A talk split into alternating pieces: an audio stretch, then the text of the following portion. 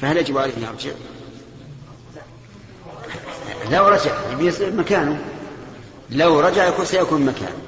سيكون مكانه. وعلى هذا فنقول إذا ذكر بعد أن وصل إلى محل المتروك قامت الركعة الثانية مقام الأولى وتصح له ركعة ملفقة. تصح هذه الركعة على أنها ركعة ملفقة. ولا ولا ولا حرج. نعم. انتهى الوقت. والله أعلم. أصحابه أجمعين. أما بعد فقد قال الإمام البخاري رحمه الله تعالى في كتاب صفة الصلاة باب التشهد في الأولى. حدثنا قتيبة بن سعيد قال حدثنا بكر عن جعفر بن ربيعة عن الأعرج عن عبد الله بن مالك بن بحينة قال صلى بنا رسول الله صلى الله عليه وسلم الظهر. فقام وعليه جلوس فلما كان في آخر صلاته سجد سجدتين وهو جالس. بسم الله الرحمن هذا هذا الباب كالتتمة للباب الذي قبله وهو من لم يرى التشهد الأول واجبا واستدل البخاري لهذا القول بأن النبي صلى الله عليه وسلم قام من الركعتين ولم يرجع. وفي هذا الاستدلال نظر لأن النبي صلى الله عليه وعلى آله وسلم جبر هذا النقص بسجدتين للسهو فدل ذلك على وجوبه لكن وجوبه أخف من وجوب التشهد الثاني. وهذا هو القول الراجح أن التشهد الأول واجب وأن من تعمد تركه بطل صلاته ومن تركه نسيانا جبره بسجود السهو وأنه إذا استتم قائما لم يرجع. لأنه انتهى إلى الركن الذي يليه ولكن عليه سجود السهو ويكون يكون التشهد يكون السجود قبل السلام. لأن لأنه عن نقص. فكان من الحكمة أن يسجد قبل أن يسلم حتى لا يسلم إلا وصلاته قد جبرت وتمت. نعم. باب التشهد باب التشهد في الآخرة. حدثنا أبو نعيم قال حدثنا الأعمش عن شقيق بن سلمة قال قال عبد الله كنا إذا صلينا خلف النبي صلى الله عليه وسلم قلنا السلام على جبريل وميكائيل السلام على فلان وفلان.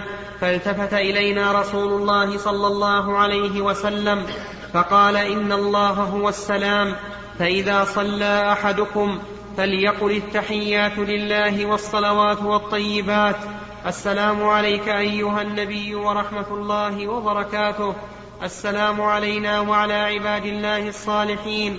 فإنكم إذا قلتموها أصابت كل عبد لله صالح في السماء والأرض.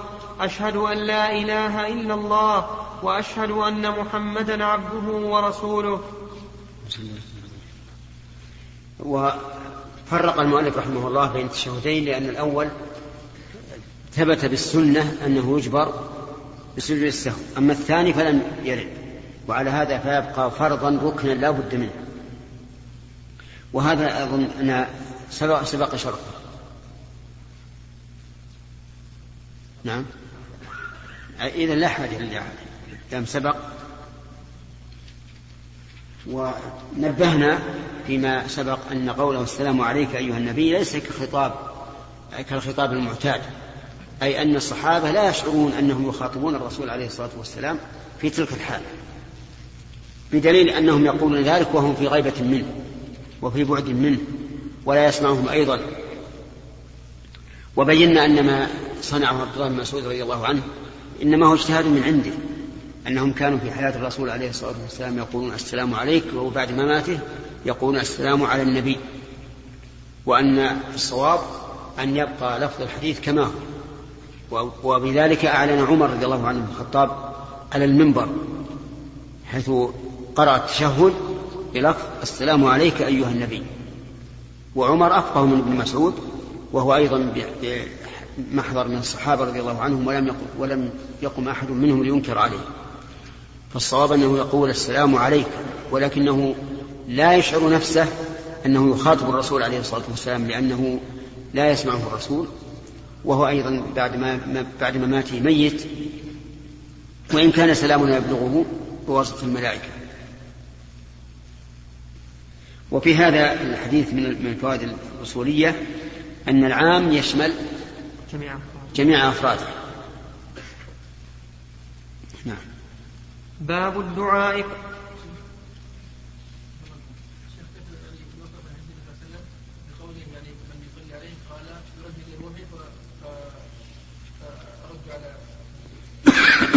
سلامة. نعم. نعم ما أسمع كلامنا إلا بواسطة الملائكة. ذكرناها الآن لكنك لعلك نائم حدثنا أبو الي... باب الدعاء قبل السلام. حدثنا أبو اليمان قال أخبرنا شعيب عن الزهري قال أخبرنا عروة بن الزبير عن عائشة زوج النبي صلى الله عليه وسلم أنها أخبرت أن رسول الله صلى الله عليه وسلم كان يدعو في الصلاة. اللهم إني أعوذ بك من عذاب القبر. وأعوذ بك, وأعوذ بك من فتنة المسيح الدجال وأعوذ بك من فتنة المحيا وفتنة الممات. اللهم إني أعوذ بك من المأثم والمغرم. فقال له قائل ما أكثر ما تستعيذ من المغرم؟ فقال إن الرجل إذا غرم حدث فكذب ووعد فأخلف. وعن الزهري قال أخبرني عروة أن عائشة رضي الله عنها قالت سمعت رسول الله صلى الله عليه وسلم يستعيذ في صلاته من فتنة الدجال. هذا الحديث من فعل الرسول عليه الصلاة والسلام وأشار المؤلف البخاري رحمه الله إلى أن هذا الدعاء يكون في آخر التشهد لقوله باب الدعاء قبل السلام. وما ساقه لا يدل على ذلك لكنه قد ثبت في صحيح مسلم أن النبي صلى الله عليه وسلم قال إذا تشهد أحدكم التشهد الأخير فليقل أعوذ بالله من عذاب جهنم ومن عذاب القبر ومن فتنة المحيا والممات ومن فتنة المسيح الدجال. وفي هذا الحديث دليل على فوائد. أولا إثبات عذاب القبر. وهذا قد ثبت ثبوتا متواترا بالنسبة للسنة. ويدل لذلك أن جميع المسلمين صغارهم وكبارهم يتعوذون بالله من عذاب القبر. وهو عندهم أمر معلوم بالضرورة من من الدين. أما القرآن فإنه يدل عليه في ظاهر السياق وإن لم يكن مصرحا به لكن ظاهر ظاهر القرآن ثبوت ذلك. ومنه قوله تعالى عقيد.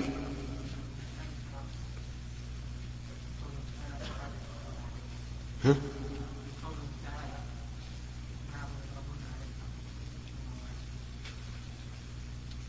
كم؟ النار يعرضون عليها غدوا وعشيا. ويوم تقوم الساعة أدخلوا آل فرعون أشد العذاب. ومن ذلك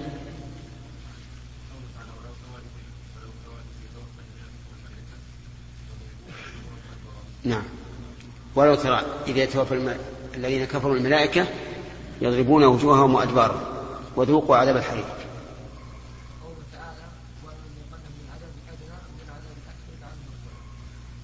لا ما في دليل. لقول لعلهم يرجعون. هذا في الدنيا.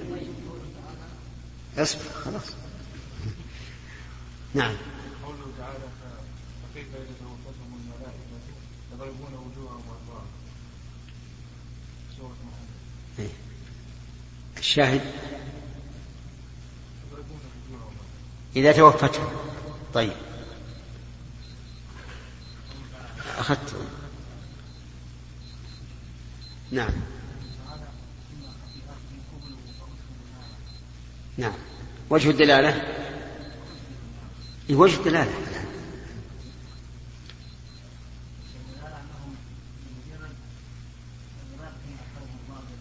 ألف تدل على إيش؟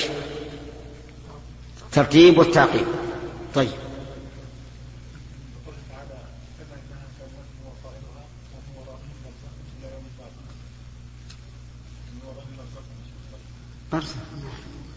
ما ذكر فيه العذاب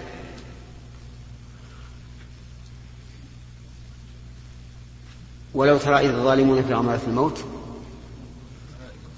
والملائكة باسطوا أيديهم أخرجوا أنفسكم اليوم تجزون عذاب الهون بما كنتم تقولون على الله غير الحق وكنتم عن آياته تستكبرون وهذه من أصلح الآيات. إن لم تكن أصحها لأن قوله اليوم ال هنا للعهد الحضوري يعني في هذا اليوم الذي تتوفاه الملائكة يقال لهم هذا. على كل حال عذاب القبر ثابت. وهل هو على البدن أو على الروح أو عليهما جميعا؟ عن إلى يوم القيامة ويعذب يوم القيامة بما أراد الله عز وجل. وهل المراد بالقبر الحفرة التي يلقى فيها الإنسان بعد موته؟ أو أنه عام لما بين الموت والقيامة؟ الثاني يعني حتى لو أن الإنسان أوكل عثرة السباع أو ذر في اليم أو قبر في الماء أو غير ذلك فإنه لا بد أن نناله من العذاب ما يناله إذا شاء الله عز وجل. ومن عذاب نعم. ومن فتنة المحيا وأعوذ بك من فتنة المسيح الدجال. إذا كان الرسول عليه الصلاة والسلام يستعيذ بالله من فتنة المسيح الدجال دل ذلك على أنه لا يعلم الغيب وأن فيه احتمالا أن يوجد في عهد الرسول عليه الصلاة والسلام. ولهذا قال إن يخرج وأنا فيكم فأنا حجيجه دونكم. وإلا فالله خليفتي على كل مسلم. والمسيح سمي بذلك لأنه ممسوح العين أعور العين خبيث المنظر الدجال أي صاحب الدجل. والدجال هنا إما صيغة مبالغة وإما نسبة وإما نسبة وصيغة مبالغة.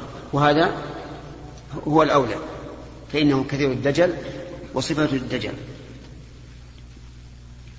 وفتنته عظيمة لا يتسع المقام لشيء من ذكرها, من ذكرها ولا ولكن معلومة بالكتب. وأعوذ بك من فتنة المحيا وفتنة الممات.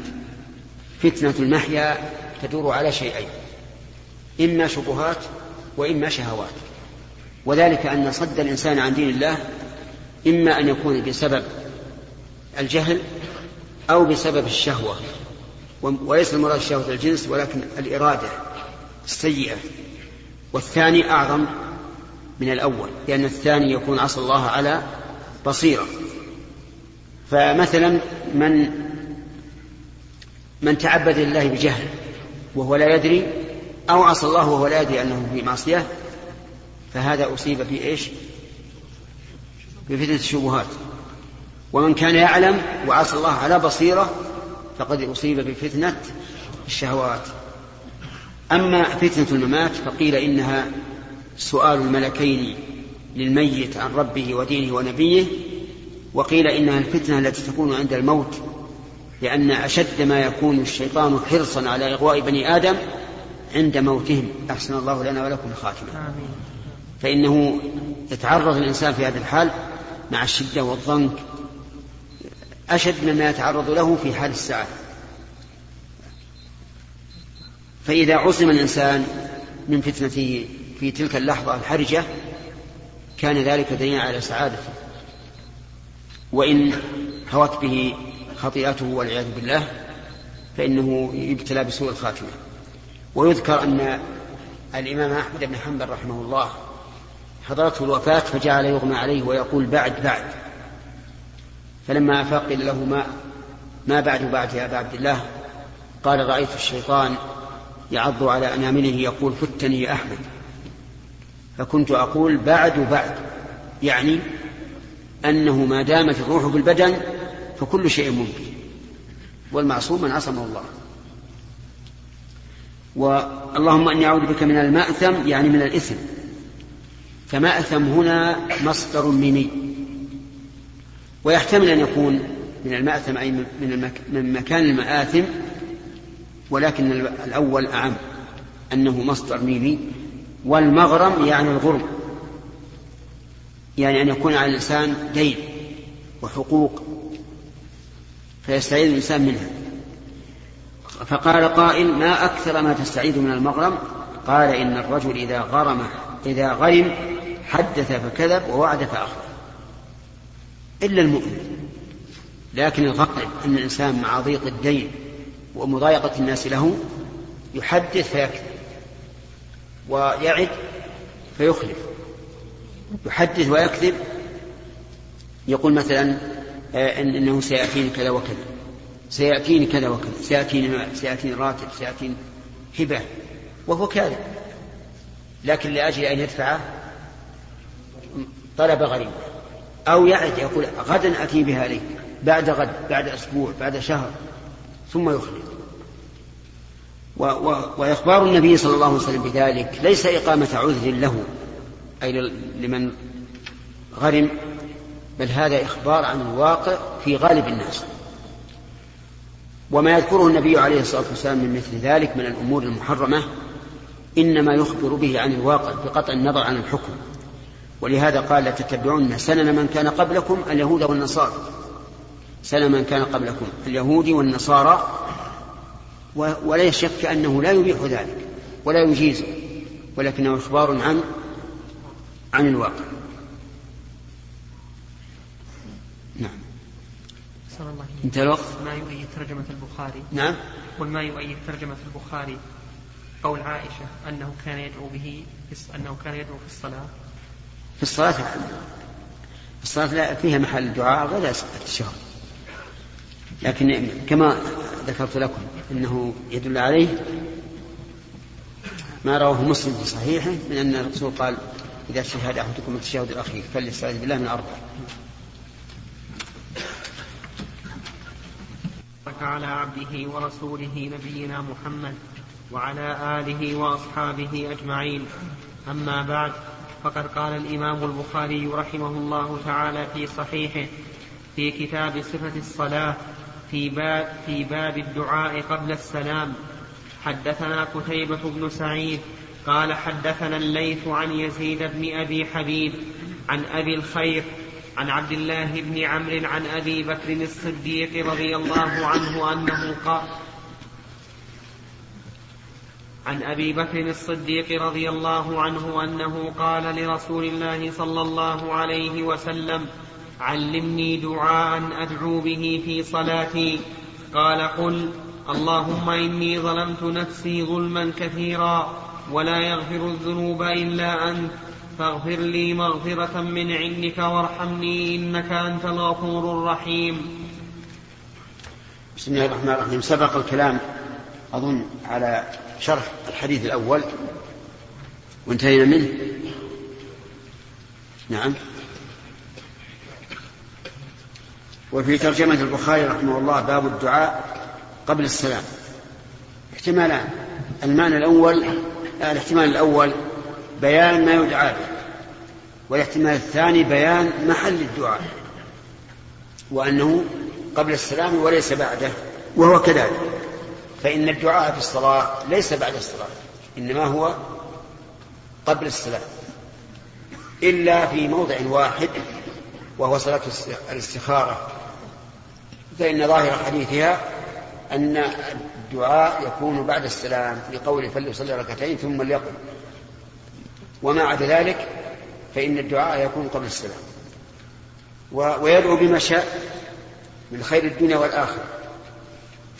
أما بعد السلام فهو الاستغفار والذكر. لقوله تعالى فإذا قضيتم الصلاة فاذكروا الله قياما وقعودا وعلى جنوب. يقول رحمه الله آه، ساق في الأحاديث حديث أبي بكر الصديق رضي الله عنه. وهذا الحديث له أهمية عظيمة. أولا من جهة السائل ومن جهة المسؤول. فالسائل هو أبو بكر والمسؤول هو النبي صلى الله عليه وسلم. وأحب الناس إلى رسول الله هو أبو بكر. إذا فلا بد أن يتخير له النبي عليه الصلاة والسلام أحسن دعاء. وأجمع دعاء. أما من حيث الصيغة فقد جمع أنواع التوسل. قال اللهم إني ظلمت نفسي ظلما كثيرا. هذا توسل بحال الداعي. لأن من جملة التوسل في الدعاء أن يتوسل الإنسان بحاله. كقول موسى عليه الصلاة والسلام ربي إني لما أنزلت إلي من خير فقير. ولم يذكر سوى ذلك. لكن ذكر الحال تدل ضمنا على أن الذاكر يسأل الله أن يغير حاله. وفيها التوسل بالثناء على الله بقوله ولا يغفر الذنوب إلا أنت. وهذا من أنواع التوسل؟ أن تتوسل إلى الله تعالى بالصفة المناسبة لما تريد. وفي الثالث فاغفر لي مغفرة من عندك وارحمني إنك أنت غفور رحيم هذا توسل بالأسماء. إنك أنت غفور رحيم وفي قوله من عندك إشارة إلى عظم المطلوب. لأن كون الشيء من عند الله لا شك أنه أعظم وأكثر. فهذا أيضا نوع من التوسل. يستفاد من هذا الحديث أنه ينبغي للإنسان أن يدعو في صلاته بهذا الدعاء. لكن متى ظاهر صنيع البخاري رحمه الله حيث أدخله تحت الترجمة باب الدعاء قبل السلام أن هذا يقال بعد ليش؟ بعد التشهد والحديث لا يدل على ذلك صراحة لأن الصلاة لها مواضع في الدعاء منها السجود ومنها الجلوس بين السجدتين ومنها القيام بعد الركوع كل هذا جاء في السنة بأن فيه دعاء فهو محتمل. نعم إن جاء في بعض الأحاديث أنها قبل السلام فهذا يؤخذ به ولعل الشارح يشير إليه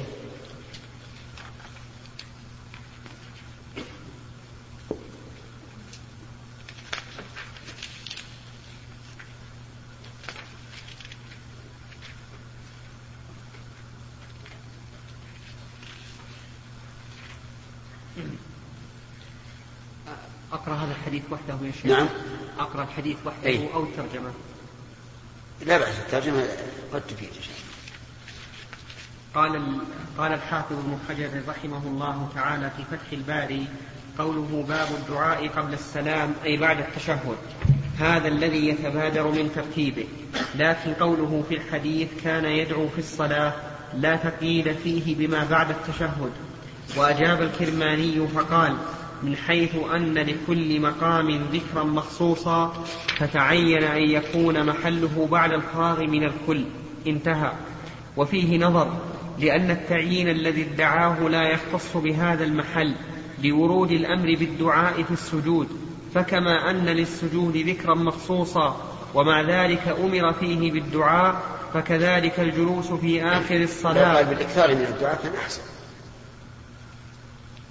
أقول لو قال بالإكثار من الدعاء لكان أحسن لأن هذا هو الذي ورد في الحديث. قال أما السجود فأكثروا فيه من الدعاء. نعم.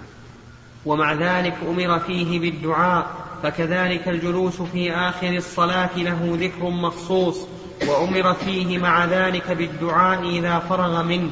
وأيضا فإن هذا هو ترتيب البخاري لكنه مطالب بدليل اختصاص هذا المحل بهذا الذكر ولو قطع النظر عن ترتيبه لم يكن بين الترجمة والحديث منافاة لأن قبل السلام يصدق على جميع الأركان وبذلك جزم الزين بن المنير وأشار إليه النووي. أقول هذا فيه فيه نظر لأن ظاهر مصنع البخاري رحمه الله أنه قبل السلام بعد التشهد. لأنه قال باب التشهد في الآخرة. ثم قال باب الدعاء قبل السلام. وكان يقول قوله قبل السلام يدخل فيه ما قبل ما قبل السلام ولو في الركوع من الركعة الأولى فيه نظر. نعم. وسأذكر كلامه في آخر وسأذكر كلامه آخر الباب. وقال ابن دقيق العيد في الكلام على حديث أبي بكر وهو ثاني حديثي الباب.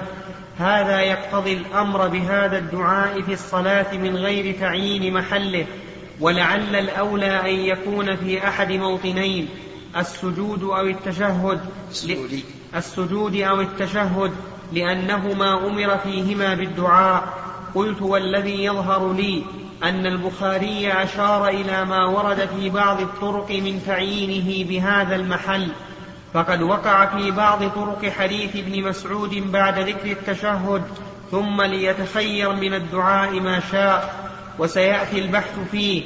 ثم قد أخرج ابن خزيمة من رواية ابن جريج قال أخبرني عبد الله بن طاووس عن أبيه أنه كان يقول بعد التشهد كلمات يعظمهن جدا قلت في, المثنى كليها.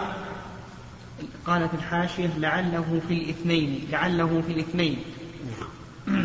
قال بل في التشهد الأخير قلت ما هي؟ قال أعوذ بالله من عذاب القبر الحديث. قال ابن جريج أخبرنيه عن أبيه عن عائشة مرفوعا ولمسلم من طريق محمد بن أبي عائشة عن أبي هريرة مرفوعا إذا تشهد أحدكم فليقل فذكر نحوه. هذه رواية وكيع عن الأوزاعي عنه وأخرجه أيضا من رواية الوليد بن مسلم عن الأوزاعي بلفظ إذا فرغ أحدكم من التشهد الأخير فذكره وصرح بالتحديث في جميع الإسناد فهذا فيه تعيين هذه الاستعادة بعد الفراغ من التشهد. نعم. تعيين نعم. هذه الاستعادة فهذا فيه تعيين هذه الاستعادة بعد الفراغ من التشهد فيكون سابقا على غيره من الأدعية. وما ورد الإذن فيه أن المصلي أن المصلي يتخير من الدعاء ما شاء يكون بعد هذه الاستعاذة وقبل السلام. قوله من عذاب القبر فيه رد الحقيقة أن صاحب الفتح رحمه الله لو أتى بهذا الحديث من قبل أن يأتي بأقوال العلماء وتعليلاتهم لكان فاصل من النزاع حديث رواه مسلم بإسناد صحيح كله مصرح فيه بالتحديث فيكون هو هو الفاصل يعني أن التعوذ من عذاب القبر وعذاب النار قد جاء عن النبي عليه الصلاة والسلام مصرحا به بأنه إيش؟ في التشهد الأخير أيضا ما هو التشهد الأول فيغني عن التعليلات. نعم. وقوله أنه سمع عبد الله بن عمرو يقول إن أبا بكر قال للنبي صلى الله عليه وسلم هكذا رواه ابن وهب عن عمرو ولا يقدح هذا الاختلاف في صحة في صحة الحديث. وقد أخرج المصنف طريق عمرو معل طريق عمرو معلقة في الدعوات وموصولة في التوحيد. وكذلك أخرج مسلم الطريقين طريق الليث وطريق ابن وهب وزاد مع عمرو بن الحارث رجلا مبهما وبين ابن خزيمة في روايته أنه ابن لهيعة. قوله ظلمت نفسي أي بملابسة ما يستوجب العقوبة أو ينقص الحظ.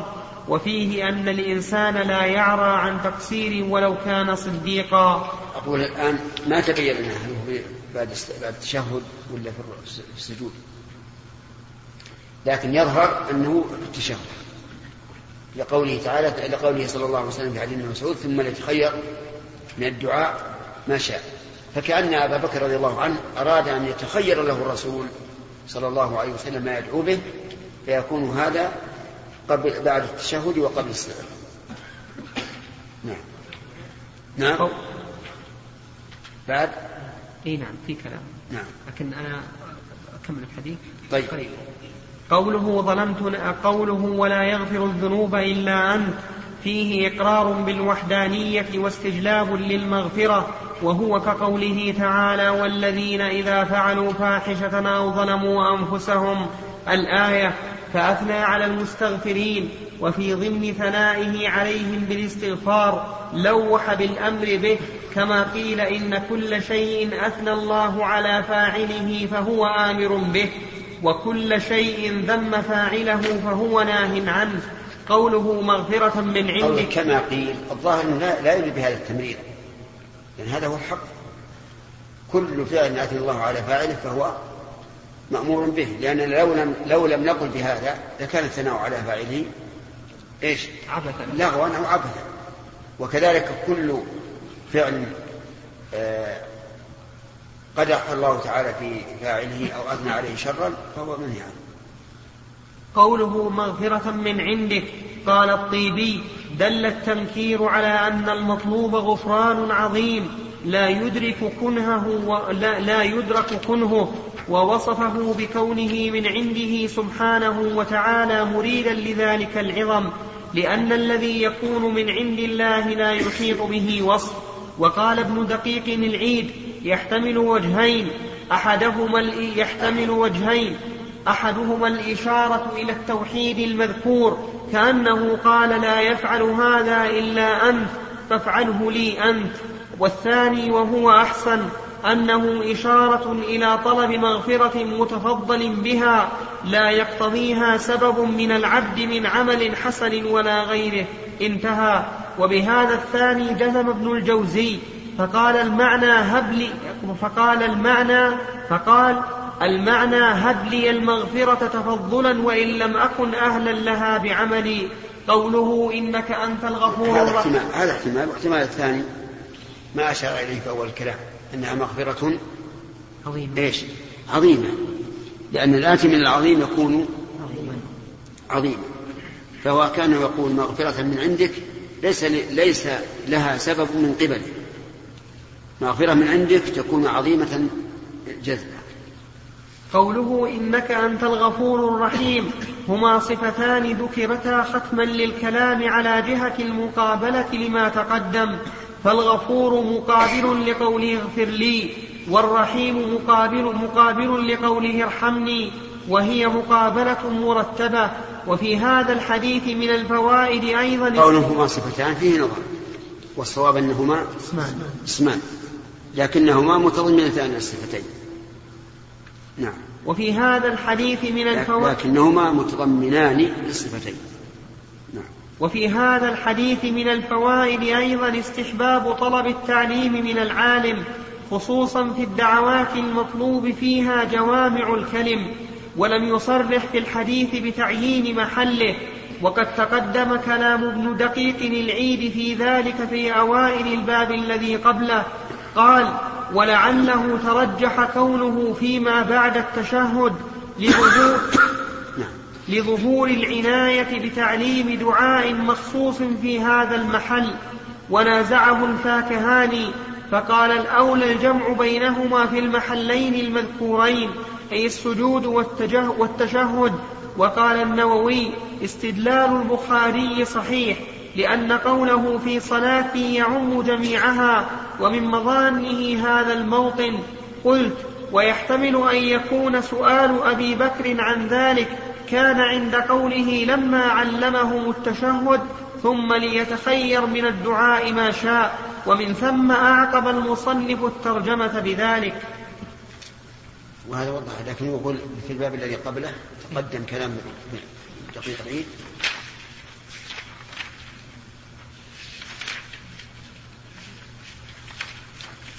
قبل سطرين يمكن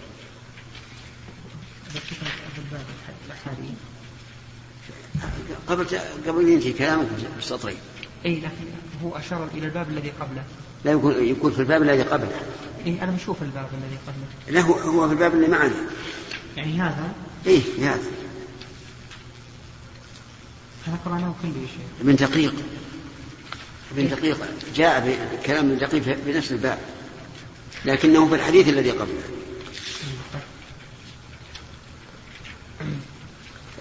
نقرأ شرح الحديث يا شيخ ولا؟ حديث أعوذ بالله من عذاب جهنم. إيه. ابن دقيق قال يحتمل في السجود يحتمل في قبل السلام.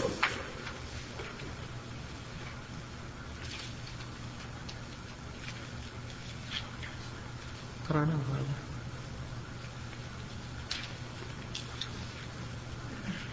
ما سمع ما سمعتوها؟ ها؟ أقول هي في الباب ولا في الحديث؟ الحديث الذي قبله إيه، أنا أشوف الشرح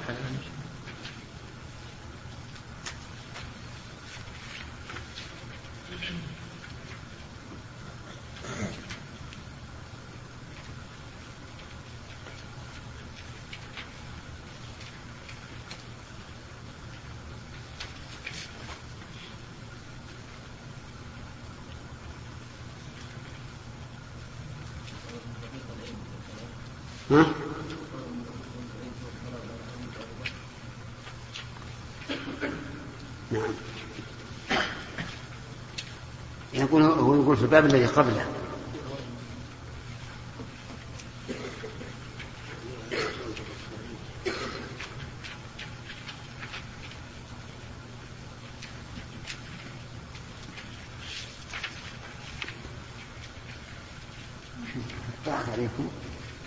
لا يشك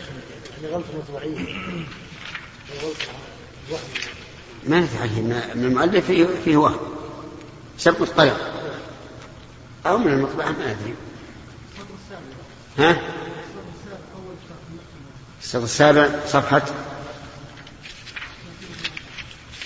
صفحة كم؟ قرأناه. هذا قرأناه الأخ اللي أشار إليه عبيد الله. إيه هذا هو المشكلة الآن يقال في الباب الذي نعم. ومو في بابنا؟ إلا في بابنا. طيب هذا هذا وجه الإشكال يكتب على الهامش. في الحديث الذي قبله؟ إيه يكتب. لعله في الحديث الذي قبله.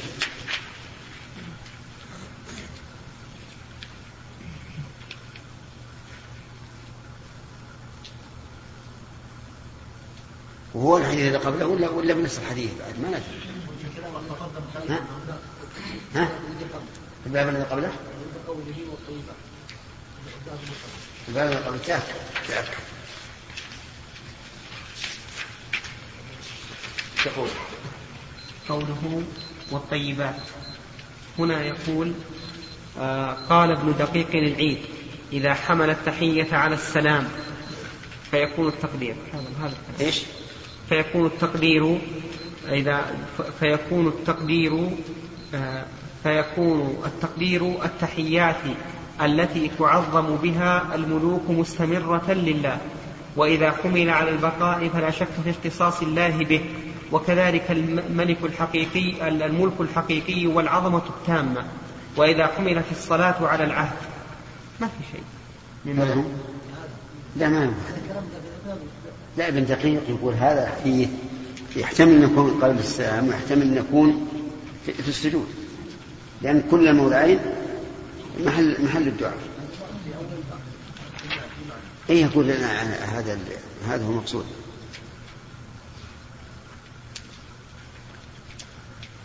يكتب بس لعله في أول الباب وينتهي. كتبت ها؟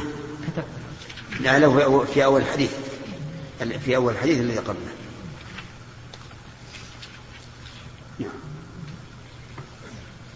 باب ما يتصل نعم عبد الرحمن. إيش؟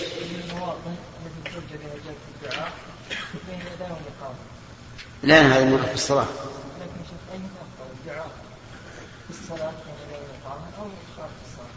يعني هو إذا لو قدر أن يصلي مثلا تحية المسجد أو الراتبة يدعو فيها يكون جمع بين أمرين.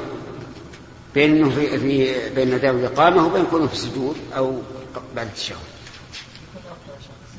أي نعم. خالد. نعم. يرفع يديه نعم. هذا هو الأصل. مع أن دعاء الاستخارة ذكر شيخ الإسلام رحمه الله أنه قبل السلام في غيره من الأدعية لكن ظاهر الحديث فليصلي ركعتين ثم ليقل يخالف هذا هذا القول. أحسن الله عليك بأهمية الموضوع ذكر الترمذي آه، بإسناد صحيح حادثة وقع في الصحابة رضي الله عنهم أن أحد التابعين أنكر على أحد الأمراء وهو يخطب قال انظروا إلى أميرنا وهو إيش؟ وهو يخطب على أحد الأمراء وهو يخطب قال انظروا إلى أميرنا يلبس لباس الفساق. إيه؟ وش يسوي؟ يلبس الفساق وهي لباس ناقيق فقام أحد الصحابة وأنكر عليه قال أسكت سمعت رسول الله صلى الله عليه وسلم يقول من أهان سلطان الله في الأرض أهانه الله. قالوا في شرحه الصحابي يعلم أن عمل ذلك الأمير مخالف خطأ يعني لكن رأى الإنكار على ذلك التابعي في إنكاره على الأمير بتلك الطريقة السيئة أولى من الانكار على الأمير.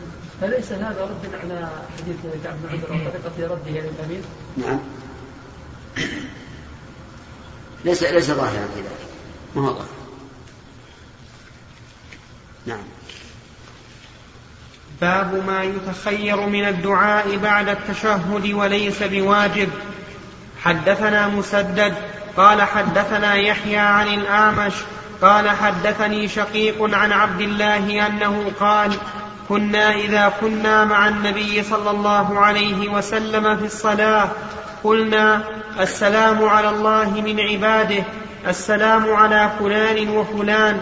فقال النبي صلى الله عليه وسلم لا تقولوا السلام على الله فإن الله هو السلام ولكن قولوا التحيات لله والصلوات والطيبات. السلام عليك أيها النبي ورحمة الله وبركاته. السلام علينا وعلى عباد الله الصالحين.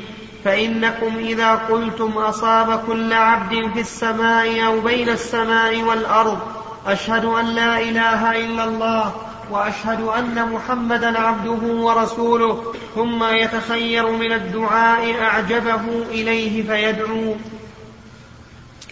قوله رحمه الله وليس بواجب ظاهر كلامه أنه حتى التعوذ من عذاب جهنم وعذاب القبر ليس بواجب وهذا هو المشهور عند أكثر أهل العلم. وذهب بعض العلماء وهو أحد الوجهين في مذهب الإمام أحمد إلى أن التعوذ من هذه الأربع واجب لأن النبي صلى الله عليه وسلم أمر بها أمر بالتعوذ منها. ولأنها ولأن العصمة منها له أهمية عظيمة. وقد ورد عن طاووس أنه أمر ابنه حين لم يتعوذ منها آه، أن يعيد الصلاة. لكن أكثر العلماء على أنه ليس بواجب وفي قوله آه، لا تقولوا السلام على الله من عباده. على الله فإن الله هو السلام. ذلك لأن الدعاء بالسلام إنما يكون لمن يحتمل أن يعتريه النقص. والله عز وجل يستحيل بحقه ذلك. ولهذا قال فإن الله هو السلام أي السالم من كل نقص وعيب. وفي هذا الحديث دليل على أن التحية لا تغني عن السلام. لأن النبي صلى الله عليه وسلم فرق بينهما. فلو قابلك إنسان وقال تحية تحية حياك الله ما كفى عن السلام المشروع. وبقية ألفاظه تقدم الكلام عليها. انتهى الوقت. بقي أربع ثواني ثلاث ثواني. نعم. بقي ثلاث ثانيتين ثانيتين خلاص انتهى. بقي ثانيتين الحين انتهى. أنا عندي أطلقت زيادة دقيقة. نعم ما في سؤال بعد انتهاء الوقت؟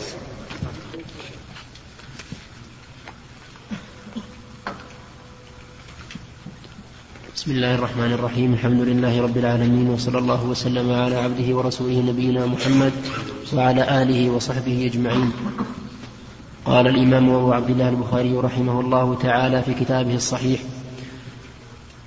باب من لم يمسح جبهته وأنفه حتى صلى قال أبو عبد الله رأيت الحميدي يحتج بهذا الحديث ألا يمسح الجبهة في الصلاة حدثنا مسلم بن إبراهيم قال حدثنا هشام عن يحيى عن أبي سلمة أنه قال سألت أبا سعيد الخدري فقال رأيت رسول الله صلى الله عليه وسلم يسجد في الماء والطين حتى رأيت أثر الطين في جبهته. نعم.